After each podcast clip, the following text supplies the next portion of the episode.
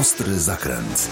Witam wszystkich. Z tej strony Adam Klimek. E, Kochani, na początek życzenia z okazji 2020 roku. Jest to dobra data i dobry temat, żeby sobie porozmawiać oczywiście o motoryzacji. Dzisiaj powinienem mówić o klinach, o tym jak e, tego kaca uleczyć, e, ale porozmawiamy dla odmiany o przyczepkach. To również temat ciężki, a właściwie o hakach i o przewożeniu różnych ładunków, bo to jest temat rzeka, jak się okazuje, a nie wszyscy też wiedzą, że przepisy trochę się wyprostowały, trochę skomplikowały, więc e, taki temat dzisiaj wrzucam. Zapraszam Was na podcast e, Ostry Zakręt. Ostry zakręt. Ostry zakręt. Motopodcast Adama Klimka. Zaczynamy od tego, jak przewieźć ładunek, jak bezpiecznie transportować różne rzeczy w naszych samochodach.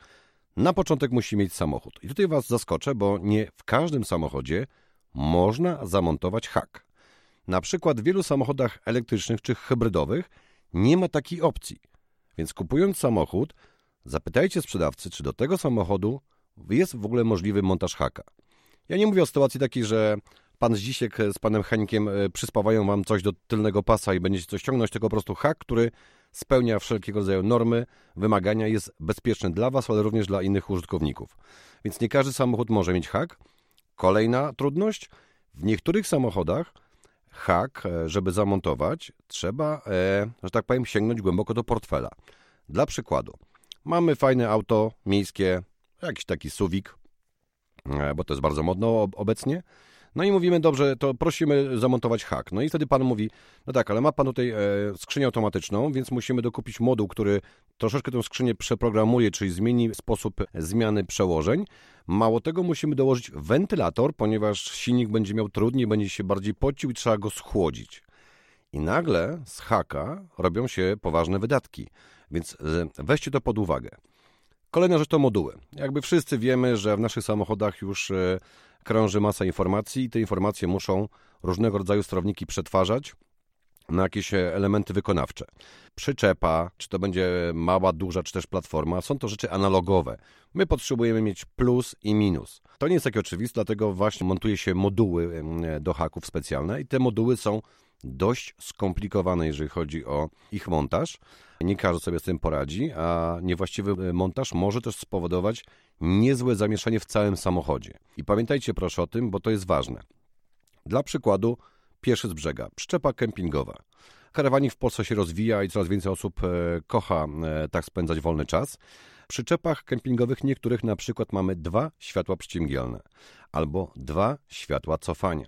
To oznacza, że ten moduł musi dostać informacje z dwóch lamp samochodowych. Moduły kupione w sieci, które nie są dobrze opisane, mogą dla nas być nie problemem, ponieważ moduł możemy kupić za 300 zł, ale możemy też kupić za 1000 zł. One się różnią. Oczywiście oprócz producenta różnią się też funkcjami. To też zwróćcie uwagę podczas e, zakupów, żeby tych pieniędzy nie wyrzucić, że tak powiem, na hak albo na przyczepkę. Dlaczego mówię o hakach? Dlatego, że haki są e, dosyć wygodne, dosyć popularne i możemy oprócz przyczepki zamontować choćby platformy rowerowe, jakże modne ostatnio w Polsce. I tutaj znowu kolejny haczyk. Jeżeli chodzi o hak, zazwyczaj mamy informację, jaki jest dopuszczalny nacisk na, na hak, na kulę. 50 kg było kiedyś standardem, dzisiaj jest 75. Natomiast są samochody, e, ale to samochody już bardziej, e, że tak powiem, cięższe, gdzie możemy taki hak obciążyć setką, czyli 100 kg na, na, na e, haku mamy. To jest pierwsza informacja. Druga informacja jest taka, że jeżeli kupujemy platformę, starajmy się kupować platformy markowe. Co znaczy markowe? To jest oczywiście słowo płynne. Na pewno nie kupimy porządnej platformy za 300 czy 500 zł. To jakby wybicie się z głowy, chyba że jest to element używany od sąsiada, który już nigdy nie będzie potrzebował tej platformy. Platformy idą w tysiące złotych. Myślę, że za 1500-2000 możemy kupić sensowną platformę, chociaż widziałem też taką za 700. Nie było najgorsza, miała pewne, pewne rzeczy na nie. Ważna informacja jest taka, że od dwóch lat, czyli 2017, czyli od trzech, już mamy 2020, weszły nowe regulacje a propos platform. Zrobiliśmy krok do przodu, ponieważ już nie musimy sobie kserować tablicy rejestracyjnej, e, czy też dorabiać fałszywki tak zwanej, co było niezgodne z prawem. Możemy legalnie wyrobić trzecią tablicę rejestracyjną w Wydziale Komunikacji, to kosztuje bodajże 56 zł I mamy trzecią tablicę, którą możemy na taką platformę rowerową zamontować legalnie. Ale przepisy, te platformy też znalazły się już e, one w przepisach i ujęły je w ten sposób. Platforma musi mieć oświetlone miejsce na tablicy recepcyjną, czyli musi być podświetlacz pod rejestrację. Kierunkowskazy, światła stopu, światła pozycyjne, to wszystko jest już jakby w tych platformach w standardzie. Ale przepisy mówią również o tym, że jest konieczne, wymagane światło cofania. I tutaj pojawia się mega problem, ponieważ do dnia dzisiejszego jestem święcie przekonany, że w wielu serwisach montuje się haki tak zwane siedmiopinowe, czyli gniazdo elektryczne ma 7 pinów.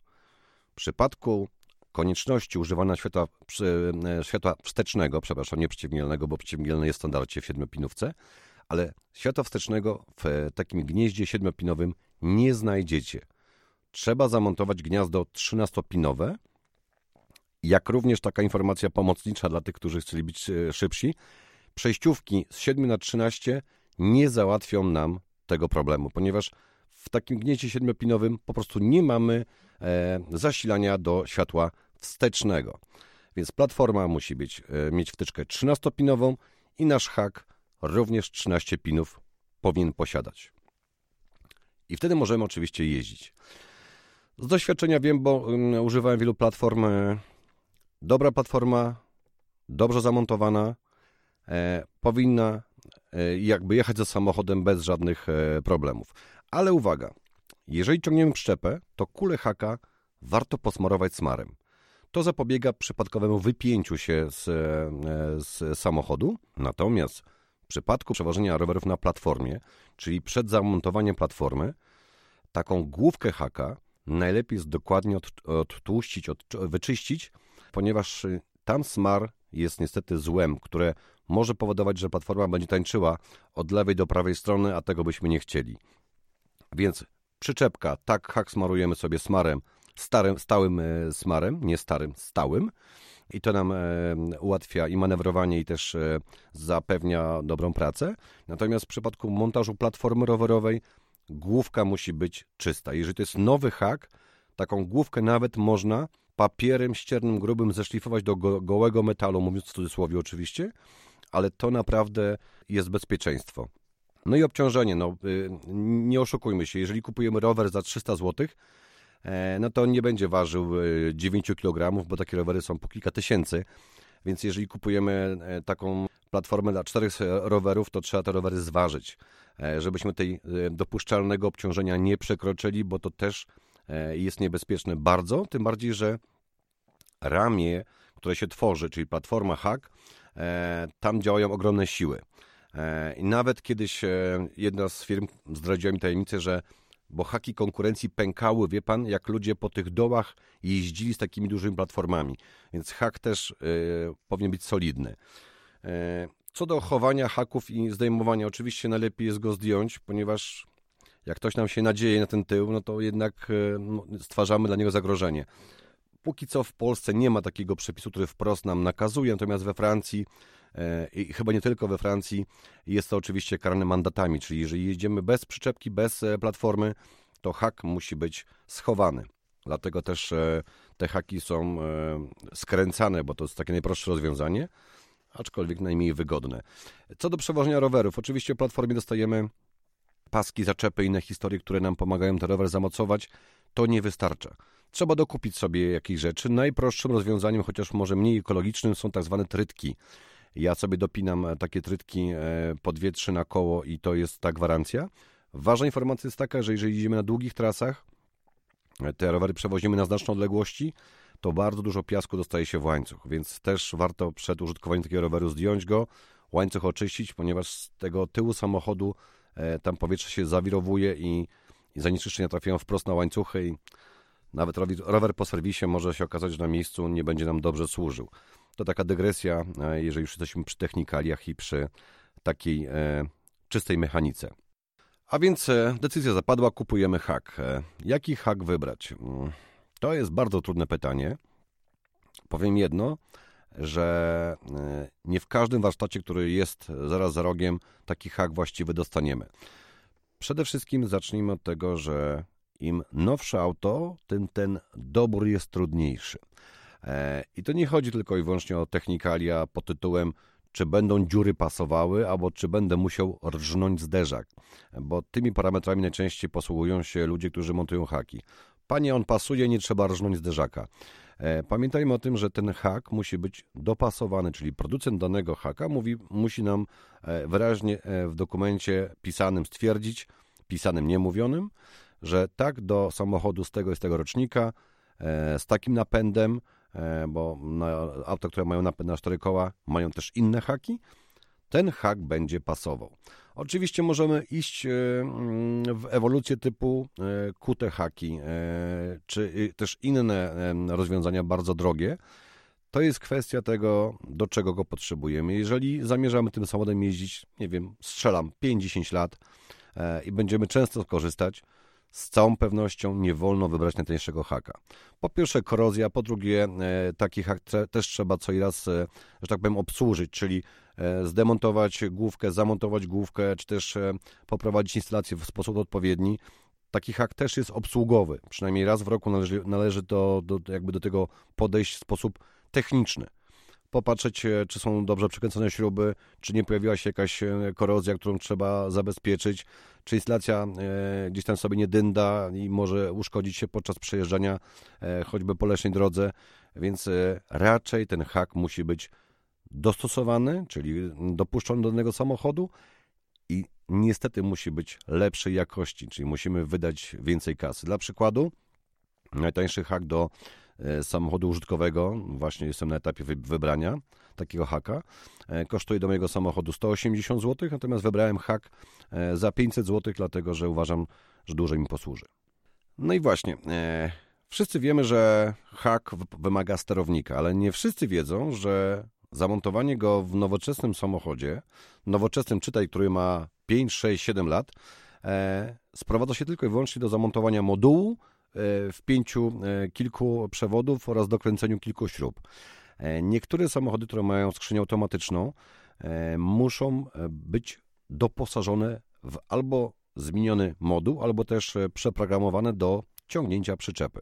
Dlatego, że skrzynia automatyczna nie lubi obciążeń, nie lubi wysokiej temperatury, a niewątpliwie przy dodatkowym balaście na, na tylnym zderzaku takie obciążenia się pojawiają, więc w niektórych samochodach kończy się to dołożeniem modułu albo przeprogramowaniem jednostki sterującej skrzynią biegów oraz dołożeniem dodatkowego chłodzenia w postaci na przykład wentylatorów.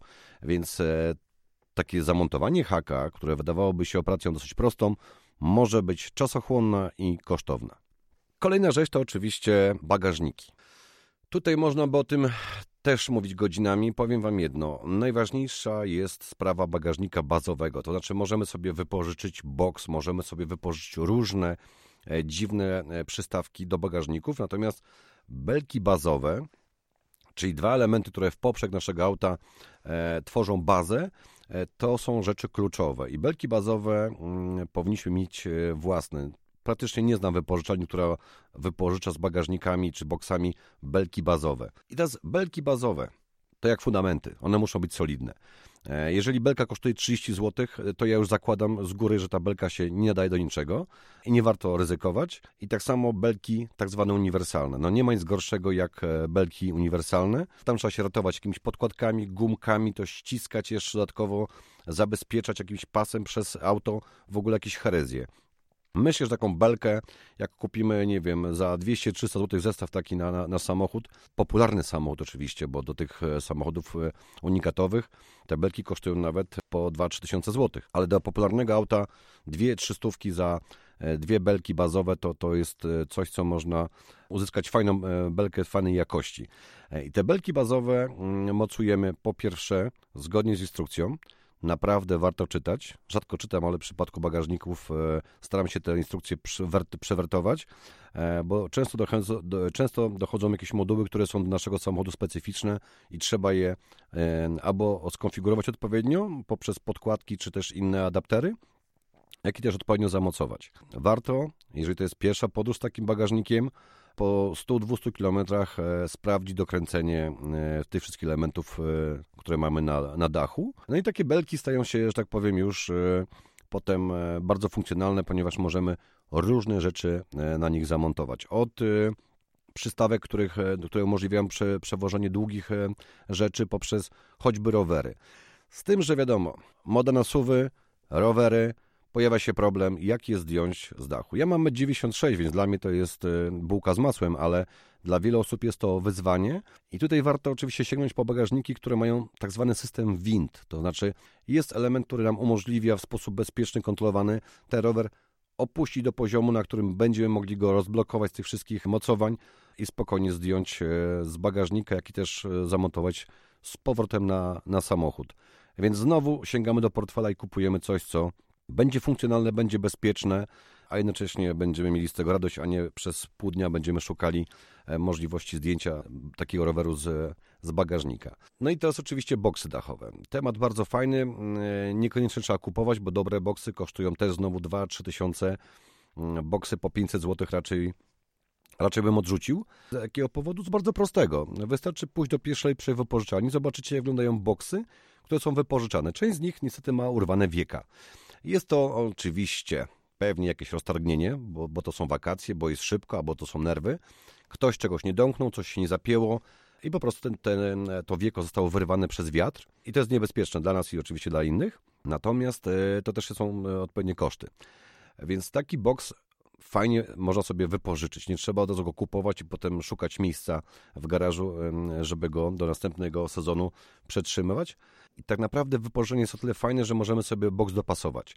Jeżeli na narty jedziemy i potrzebujemy dwie, trzy pary nart, to nie musimy brać wielkiego bagażnika, który będzie niezłą płachtą, która będzie wpływała na zużycie paliwa. Możemy wziąć e, fajny, wąski boks e, aerodynamiczny.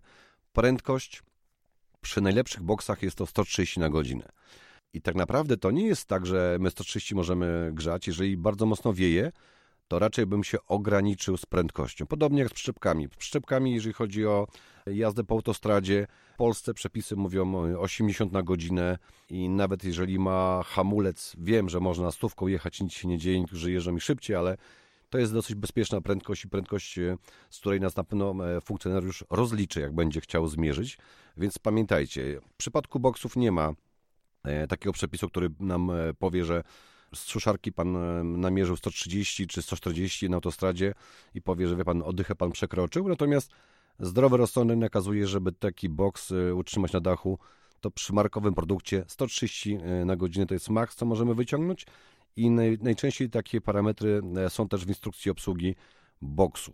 Boksy, które mają TIF, mają te wszystkie pozwolenia, szczególnie rynek niemiecki, są, są bardzo sprawne i to jest, uważam, sprawdzone, przetestowane w Polsce nie ma takiej instytucji, która by gwarantowała, że na tym samochodzie przy takiej prędkości e, dany bagażnik wytrzyma lub nie, więc raczej opieram się na tak zwanych e, produktach markowych, które mają TIF, mają te informacje zawarte e, w instrukcji obsługi, czy też w dokumencie, który dostaliśmy w momencie zakupu. No i tak naprawdę, jeżeli chodzi o temat przewożenia, zawsze powtarzam – dodatkowe ekspandery, dodatkowe linki, czy też e, zwyczajnie pasy, które są genialne. Już dzisiaj są, można kupić te pasy w różnych e, konfiguracjach. Są niezbędnym wyposażeniem każdego, kto myśli transportować, który, kto, kto myśli w ogóle powiększać możliwości przewozowe swojego samochodu, więc warto na to zwrócić uwagę. Temat e, oczywiście DMC, czyli dopuszczalny mas całkowitej, temat możliwości naszego samochodu i temat e, opłat za korzystanie z dróg. Po pierwsze, mm, w Polsce podział jest taki, no się w Polsce, ogólnie podział był bardzo prosty. Przyczepy lekkie to są przyczepy, które mają DMC 750 kg max, czyli masa własna przyczepy plus to, co do niej wrzuciliśmy, nie może przekroczyć 750 kg. Wszystko powyżej jest to oddzielna kategoria i to są przyczepy, które powinny mieć e, hamulec najazdowy. E, ale bardzo ważna jest tutaj ta definicja przyczep lekkich. Niektóre samochody mają na przykład ograniczenia. Nie jest to 750, tylko jest na przykład 600 albo ciutek mniej. I tu się pojawia mały zgrzyt, ponieważ jeżeli ciągniemy przyczepę lekką, czyli mamy auto, mamy przyczepę z wypożyczalni, jest w dowodzie lekka, jest napisane 750, E, no to policjant może słusznie zauważyć, że żeśmy przekroczyli dopuszczalną masę przyczepy, którą holujemy i oczywiście może nam wlepić mandat. Z tym, że prawo również reguluje możliwość przeładowania przyczepy. Może nie w tym zestawu, ale samej przyczepy. Czyli na przykład do 10% możemy przeładować przyczepę, możemy przeładować dostawczaka i to się mieści gdzieś tam w granicach rozsądku i policjant e, poza upomnieniem nie powinien nas ukarać. Natomiast e, DMC e, to jest też taka dziwna wartość, bo niektóre suwy po dołożeniu nawet przyczepy lekkiej, dajmy na to jest to skuter wodny, czy też przyczepka na motocykl, te samochody przekraczają wartość 3,5 tony. I tu się pojawia konieczność E, zamontowania, a właściwie przyklejenia takiego dziwnego urządzenia jak wiatol. E, nie będę o tym się rozwodził, ponieważ za każdym razem mi to zaskakuje i myślę, że mogłaby, mógłbym z tego zrobić e, kilka felietonów ciekawych, jak korzystać z wiatola albo jak, jak się z niego nie da korzystać. To może na inną okazję, ale pamiętajcie o tym, że jest to obowiązkowa rzecz i kary, chociaż teraz zostały złagodzone, są potężne. Tak? W przypadku przejechania iluś bramek bez opłat, wydaje mi się, że łatwiej byłoby wynająć jakąś firmę logistyczną, która by nam przywiozła czy to przyczepkę, czy też e, skuter wodny na miejsce. Więc e, pamiętajmy, jeżeli to wszystko po zsumowaniu przekracza 3,5 tony, musimy mieć wiatol. I tu mówimy o DMC, czyli to nie jest taka sytuacja, że ja jadę suwem, który ma masę własną, dodam e, swoją masę i powiem, e, panie władzo, ale przecież to nie jest tyle, tylko jest mniej. Czyli DMC, dopuszczalna masa całkowita samochodu, jak i też przyczepy. I nieważne, czy samochód e, i przyczepa są puste, te maksymalne masy dopuszczalne sumujemy i to jest, i tak to jest odniesienie w przepisach, więc sprawdźcie, zanim wynajmiecie, kupicie, czy też pożyczycie, żeby nie popaść w tarapaty podczas transportu różnych ładunków. Moi kochani, to była niewielka garść informacji, która mam nadzieję pozwoli Wam bezpiecznie i komfortowo przewozić różnego rodzaju ładunki. E, słyszymy się w następną środę. Bardzo dziękuję i do usłyszenia. Ostry zakręt. Podcast przygotowało Sołteli. www.sołteli.pl